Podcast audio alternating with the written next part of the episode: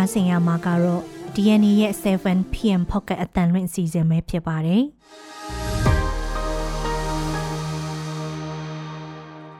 ဒီကနေ့ဖေဖော်ဝါရီလ9ရက်နေ့ရဲ့ Pocket အတန်လွင့်အစီအစဉ်မှာတော့ဂရင်းနီစစ်ရှောင်းတွေရဲ့စာတင်ကြောင်းပုံကျဲခံရလို့ခလေးလေးဦးထပ်မင်းတည်ဆုံးနေဆိုတဲ့အကြောင်းဒေါ်လာရင်းအင်အားစုတွေကြားပြပခမဖြစ်ရင် KIO ကောင်းဆောင်တတိပေးတယ်ဆိုတဲ့အကြောင်းဘင်္ဂလားဒေ့ရှ်နယ်စပ်တောင်ပြိုဒေသမှာ တိုက်ပွဲဆက်လက်ပြင်းထန်နေတယ်ဆိုတဲ့အကြောင်းပြည်ပအလောက်အကင်ဝန်ဆောင်မှုအဖွဲ့ MOEAF ကိုဖျက်သိမ်းကြောင်း NUG ကြေညာတယ်ဆိုတဲ့အကြောင်း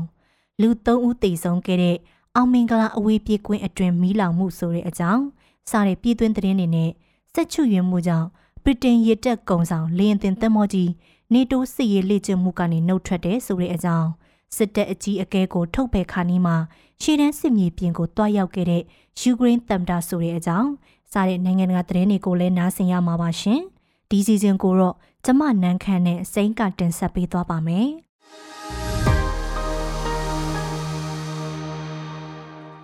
ပထမဆုံးသတင်းတပုတ်အနေနဲ့ဂရီနီစစ်ရှောင်းတွေရဲ့စာတင်ကြောင်းဘုံကျဲခံရလို့ကလေးလေးဦးထပ်မင်းတေဆုံးသွားတဲ့အကြောင်းကို ပြပြပေးပါမယ်။ဂရီနီကရားပြည်နယ် ဒီမော့ဆုမြို့နယ်ထဲမှာရှိတဲ့စစ်ပေးရှောင်ကလေးတွေကိုစာတင်ပေးနေတဲ့စာတင်ကျောင်းကိုဒီကနေ့မနက်10:00နာရီခွဲလောက်မှာစစ်တပ်ကလေရင်နဲ့ပုံကျဲလို့ကလေးငယ်တွေထိခိုက်ဒေဆုံးမှုများပြားတယ်လို့သိရပါတယ်။ဒီမော့ဆုမြို့နယ်အနောက်ဘက်ခြမ်းဒေါ်စီအီကျေးရွာက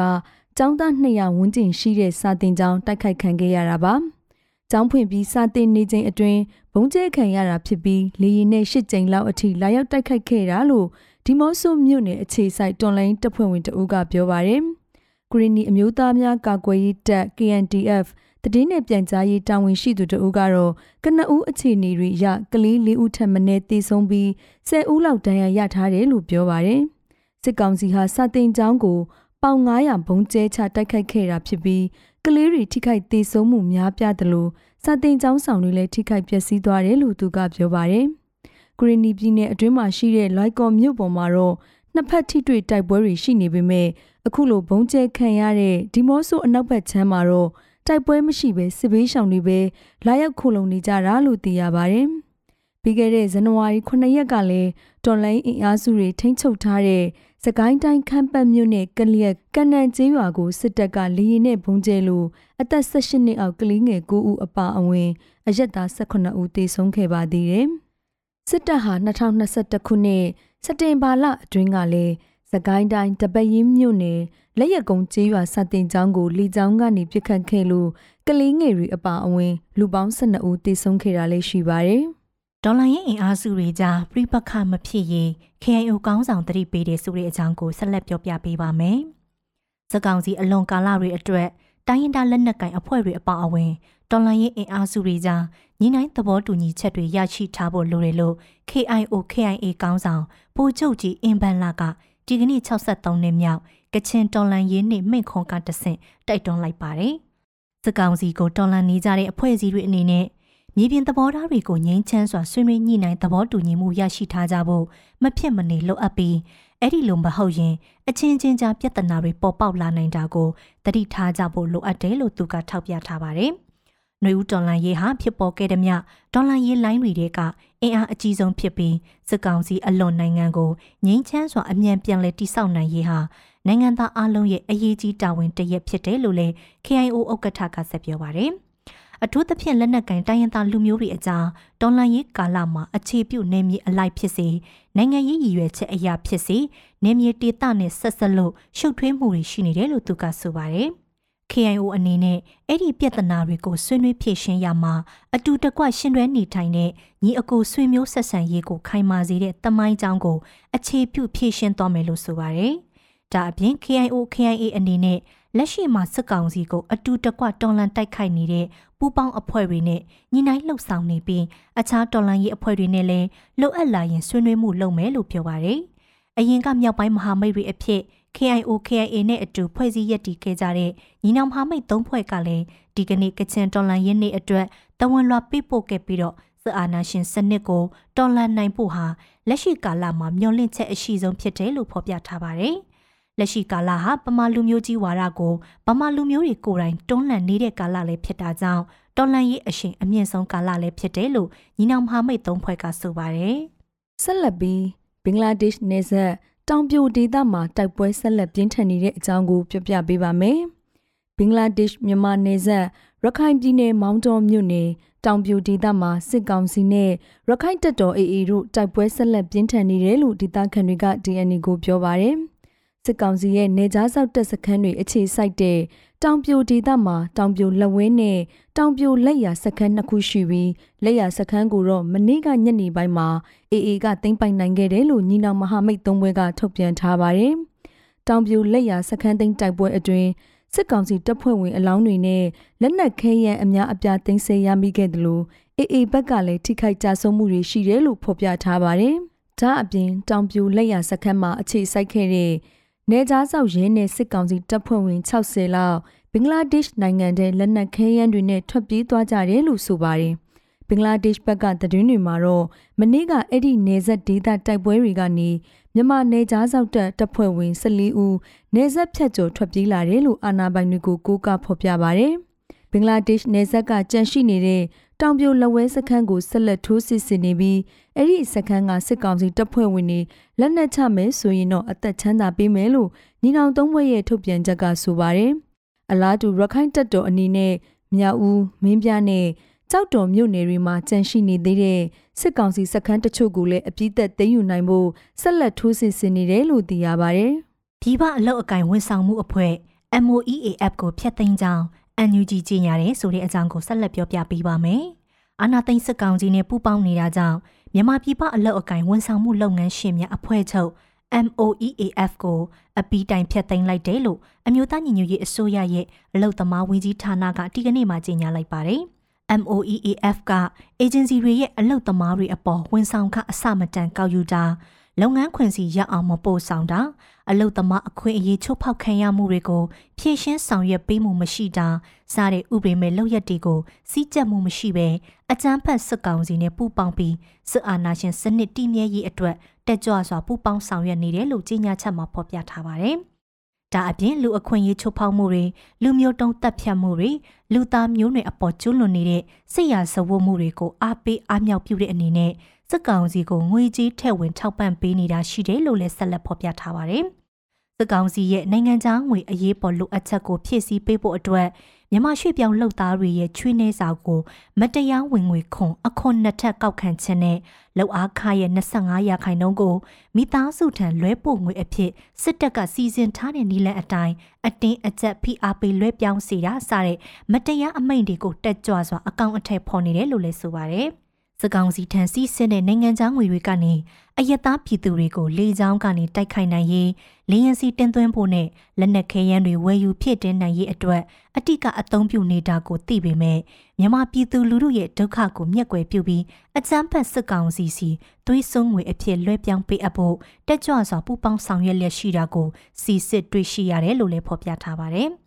အဲဒါကြောင့်မြန်မာအလုတ်သမားတွေကိုအကအကွယ်မပေးဘဲစစ်အာဏာရှင်စနစ်တည်မြဲရေးအတွက်အကြမ်းဖက်စစ်တပ်နဲ့တက်ကြွစွာပူးပေါင်းဆောင်ရွက်နေတဲ့မြန်မာပြည်ပအလုတ်အကင်ဝန်ဆောင်မှုလုပ်ငန်းရှင်များအဖွဲ့ချုပ်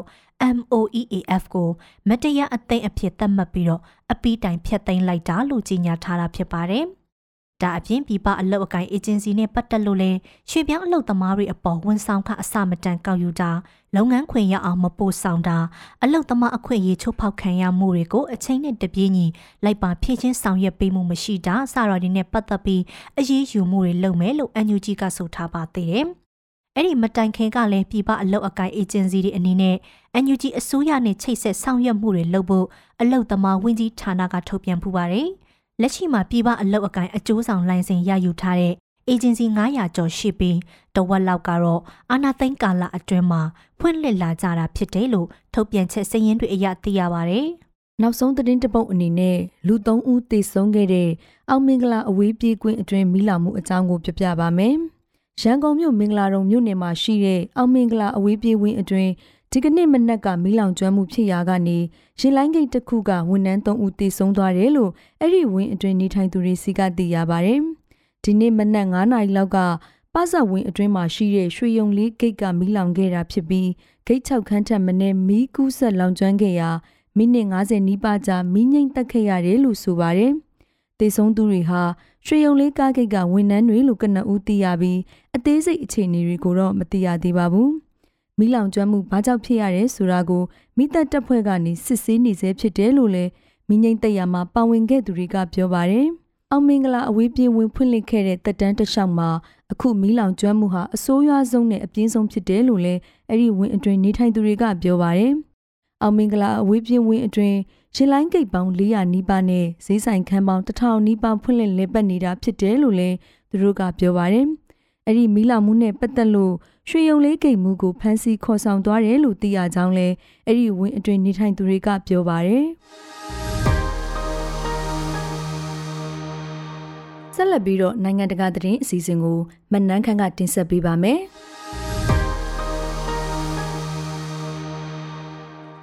ဗြိတိန်တော်ဝင်ရေတပ်ရဲ့ကုံအယူရဆောင်အောင်လန်ထူရေရင်ကြီးဖြစ်တဲ့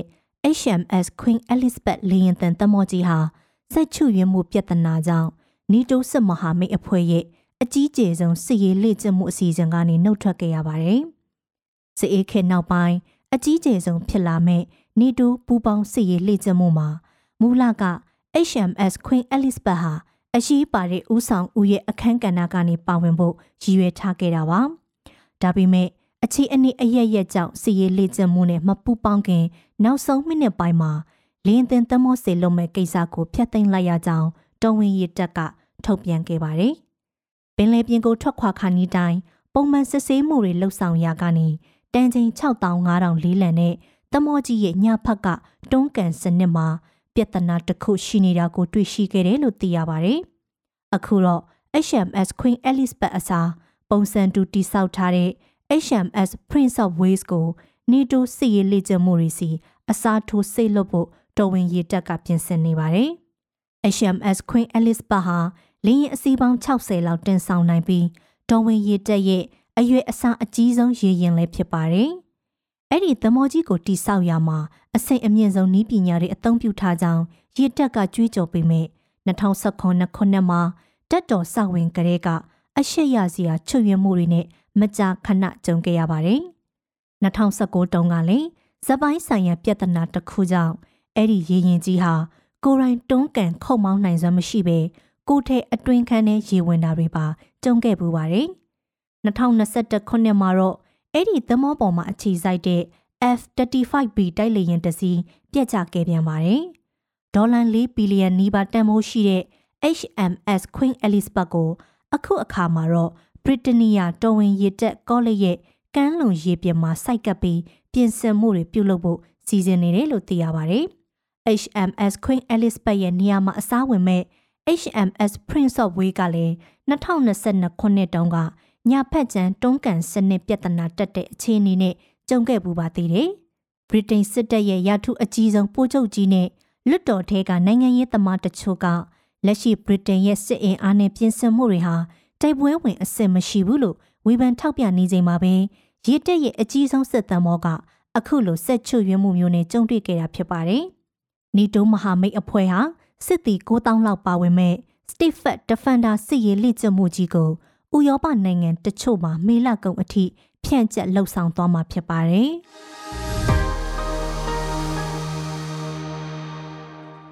ယူကရိန်းစစ်တပ်အကြီးအကဲရာထူးနေရအပြောင်းအလဲဖြစ်တော့မယ်ဆိုတဲ့သတင်းတွေပြန့်နှံ့နေချိန်မှာဒမ်တာပိုလိုတီမာဆလန်စကီဟာယူကရိန်းရှိတဲ့တနေရာကိုတွားရောက်ပြီးတော့စစ်တီတွေနဲ့တွေ့ဆုံခဲ့ပါတယ်။ ယူကရိန်းသမ္မတရုံးကပြီးခဲ့တဲ့သတင်းပတ်ကောင်မှာဒမ်တာဟာရှိတဲ့စစ်မြေပြင်နဲ့ထိစက်လူနီးပါနေရာတစ်ခုဖြစ်တဲ့ရိုဘိုတင်ကျေးရွာမှာတက်ဆွဲထားတဲ့စစ်တီတွေကိုတွားရောက်အားပေးနှုတ်ဆက်ခဲ့ကြောင်းထုတ်ပြန်ခဲ့ပါတယ်။ရုရှားရဲ့ကျူးကျော်စစ်စတင်ခဲ့တဲ့ကာလတလျှောက်ဇလန်စကီဟာရှိတန်းရောက်စစ်သားတွေကိုတွားရောက်တွေ့ဆုံတာမျိုးရန်ဖန်ရန်ခါလှုပ်လိရှိပေမဲ့အခုတစ်ကြိမ်ကတော့ကွဲပြားတဲ့နောက်ခံအခြေအနေတွေရှိနေပါတယ်။သူဟာတမ်နိပိုချုပ်ကြီးလို့နာမည်ပြောင်ရထားပြီး လက်အောက်ငယ်သားတွေရဲ့လေးစားချစ်ခင်မှုကိုရထားတဲ့ယူကရိန်းစစ်တပ်အကြီးအကဲပိုချုပ်ကြီးဘယ်ရာရီဇလိုနီကိုရာထူးကထုတ်ပေးတော်မယ်လို့သတင်းတွေပြန့်နှံ့နေချိန်နဲ့တိုက်ဆိုင်ပြီးရှီရန်ကိုတွားရောက်ခဲ့တာပါ။လေလာသူတွေကတော့တမ်တဟာဇာလိုညီကိုမဖယ်ရှားခင်တက်ထဲမှာစီးယုံရေးဆင်နေတာဖြစ်နိုင်တယ်လို့သုံးသပ်ကြပါတယ်။ယူကရိန်းကမျောလင့်တကြီးပြင်ဆင်ခဲ့တဲ့တံပြန်ထိုးစစ်အစီအမံတွေမအောင်မြင်ခဲ့တဲ့နောက်စစ်ကာလအတွင်း အရေးအကြီးဆုံးပုဂ္ဂိုလ်နှစ်ဦးကြားသဘောထားကွဲလွဲမှုတွေစတင်လာခဲ့ကြောင်းနီးစပ်သူတွေကပြောပါတယ်။ဇလန်စကီကဇာလူညီကိုနှုတ်ထွက်ပေးဖို့မြစ်တာရက်ခံခဲ့ပေမဲ့ပူချုပ်ကြီးကညှင်းဆိုခဲ့တာကြောင့်တမ်တာကိုယ်တိုင်ထုတ်ပယ်ဖို့စီစဉ်နေတာဖြစ်တယ်လို့လည်းသတင်းတွေထွက်ပေါ်နေပါတယ်။ဇလန်စကီကဇာလူညီကိုထုတ်ပယ်မဲ့အဆုံးဖြတ်ချက်ကိုမဟာမိတ်အမေရိကန်အစိုးရစီအတီးပြုတ်အသိပေးပြီးပြီလို့လည်းသတင်းတချို့ကဖော်ပြနေပါတယ်။ ပြီးခဲ့တဲ့သတင်းပတ်ကုံရှီရန်စစ်မြေပြင်ခီးစဉ်မှာတော့ဇလန်စကီဟာယူကရိန်းစစ်သည်တွေရဲ့ဆွန့်လွတ်အနစ်နာခံမှုတွေကိုချီးကျူးစကားပြောခဲ့ပြီးသူရတတိစုတစိတ်တချို့ကိုလည်းချီးမြှင့်ခဲ့တယ်လို့သိရပါတယ်။လေလာသူတွေကတော့ဇာလိုညီကိုထုတ်ပယ်ခဲ့ရင်တိုက်ပွဲဝင်စစ်သည်တွေကြားမှာစိတ်သက်ရေးရာထိခိုက်မှုတွေရှိလာမှာကိုဇလန်စကီအနေနဲ့မလွဲမသွေကြိုတင်တွေးတောလက်ခံထားလိမ့်မယ်လို့သတိပေးပြောကြားထားပါတယ်။ယူကရိန်းအတိုက်အခံအင်အားစုတွေကလည်း ဇာလိုညီကိုထုတ်ပယ်မဲ့ကိစ္စဟာစင်ကျင်တုံတရားနဲ့ပါလွန်ပြီးစီရေးထက်ပုံကိုရေးခန်းစားချက်ကိုဦးစားပေးတဲ့လောက်ရက်ဖြစ်လိမ့်မယ်လို့ဝေဖန်နေကြပါတယ်။